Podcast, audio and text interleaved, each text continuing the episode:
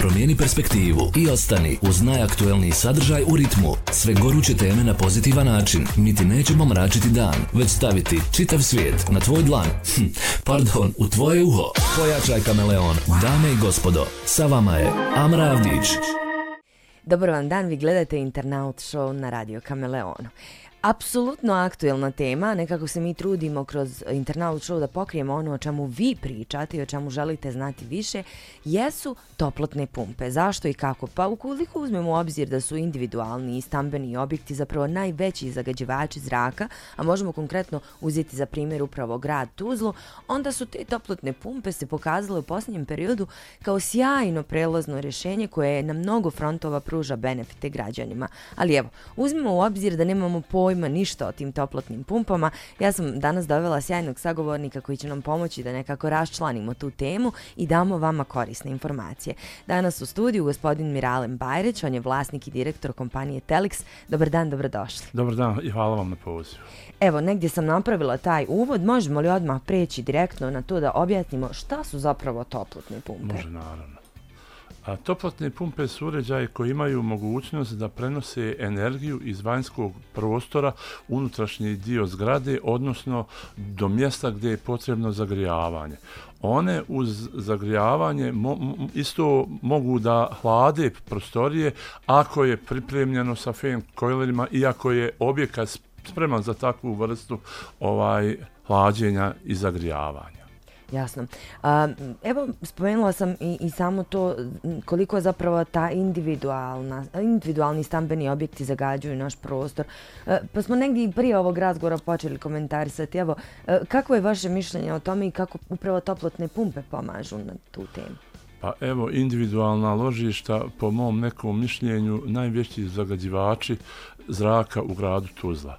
A mi sa toplotnim pumpama možemo daleko toga da eliminišemo iz razloga što toplotne pu su pumpe a, one su e, 100% ekoproizvodi, nema štetni utjecaja na okolinu a, dok imamo na primjer ta a, individualna ložišta koja koriste ugalj sumpor se oslobađa i tako dalje mislim. Jasno. E, sjajno evo da, smo, da znamo i da ima više struku namjenu, dakle može nam pomoći u zagrijavanju, ali i u hlađenju. Tako je. E, šta je potrebno da jedno domaćinstvo, dakle, pređe, kakav je taj proces, da li je komplikovan, kako izgleda našo, kada donesemo odluku, evo želimo preći na top, korištenje toplotne pumpe, šta je proces? Ja bih prvo preporučio da dođete u naš uh, Telis Klima centar koji se nalazi na stupinama u B2 bloku i da iskažete svoju potrebu za zagrijavanjem koji svi ostali sa toplotnim pumpama, onda naš te tehnički tim izađe na vaš objekat, pregleda vam objekat uh, kakva je termoizolacija, da li, da li se zagrijavate na ugalj i tako neki, ili na ložu kao što je bilo i onda se pravi nekakav predmjer radova i posle toga vam kažemo tačno koliko će vas to da košta, što znači o, naš tehnički tim vam odredi koja je to snaga toplotne pumpe, koji je timp i onda idemo u realizaciju. Evo koliko od prilike dana od momenta kada se napravi ta procjena koliko je potrebno dana? 5-6 dana. 5-6 dana, dakle tako, može tako brzo. Tako i svaki dan se evo to radi. Evo imamo trenutno neki poticaj sa gradske uprave gdje imaju određen broj ljudi koji su dobili subvencije i a, njih završavamo i to ide sasvim ok, korektno, a, završi im se sve, a, spremimo im svu dokumentaciju koju moraju da predaju gradsku upravu i onda izađe komisija ispred gradske uprave koja utvrdi da je se to sve uradilo kako valja i onda vam a, grad Tuzla vrati 6000 maksimalno 50% od investicije, a 6000 je znači limit, bez obzira koliko vas to da košta. I to je vrlo pohvalno, da vam kažem. Apsolutno, mislim da takav poticaj je potreban da bismo, pa evo i u tom ekološkom segmentu poradili na dobro, za dobrobit naših građana i građanki. Um, možemo li pričati o nekim okvirnim cijenama? Evo šta bi bila neka možda najviša cijena prelaska? Pa evo ovako, eh, malo prije smo razgovarali, to je sve individualno. Znači, zavisi od veličine ovaj objekta, od vrste ovaj grijanja koju trenutno koristite, da li to radijatorsko ili podno. A, dok, na primjer, ako je podno, onda, onda nam treba a, mala snaga toplotne pumpe u odnosu na radijatorsko zagrijavanje. Ajde da kažemo neka, neka investicija a, ako vam je kuća između 180 i 200 kvadrata, to vam je negdje oko 15.000, znači sve. Jasno.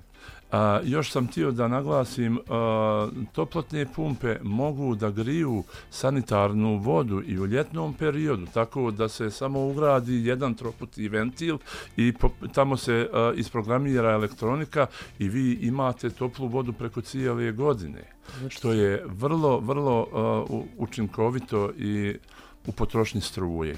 I evo za kraj, e, sigurna sam da imate komunikaciju sa svojim klijentima. Šta su njihove povratne informacije kada je reč o iskustvima nakon što su prešli na toplotne pumpe? Šta se promijenilo?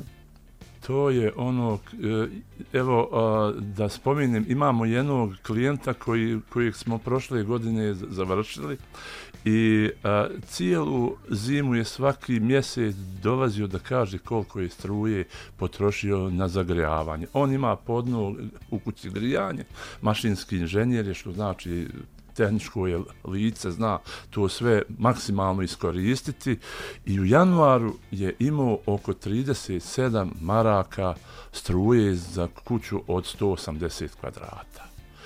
A, a i svi ostali su puni, puni su ovaj, z, ovaj zahvali, a, mada su svi na početku malo skeptični mhm. bili, da vam kažem. To je bio nekakav dug proces dok, dok je se to a, formiralo da ovaj dobro mišljenje i dok su ljudi počeli da ugrađuju. Sad, na primjer, već imamo a, kupac koji dođe u naš prodajni objekat, on 90% već sve zna o toplotnim pumpama. To je sjajno. Hvala vam puno što ste bili moj gost. Ja vjerujem da smo sada malo... E, Eh, evo, vidjet ćemo se sigurno i opet. Um, evo, imali smo gosta, gospodin Miralem Bajrić iz kompanije Telix.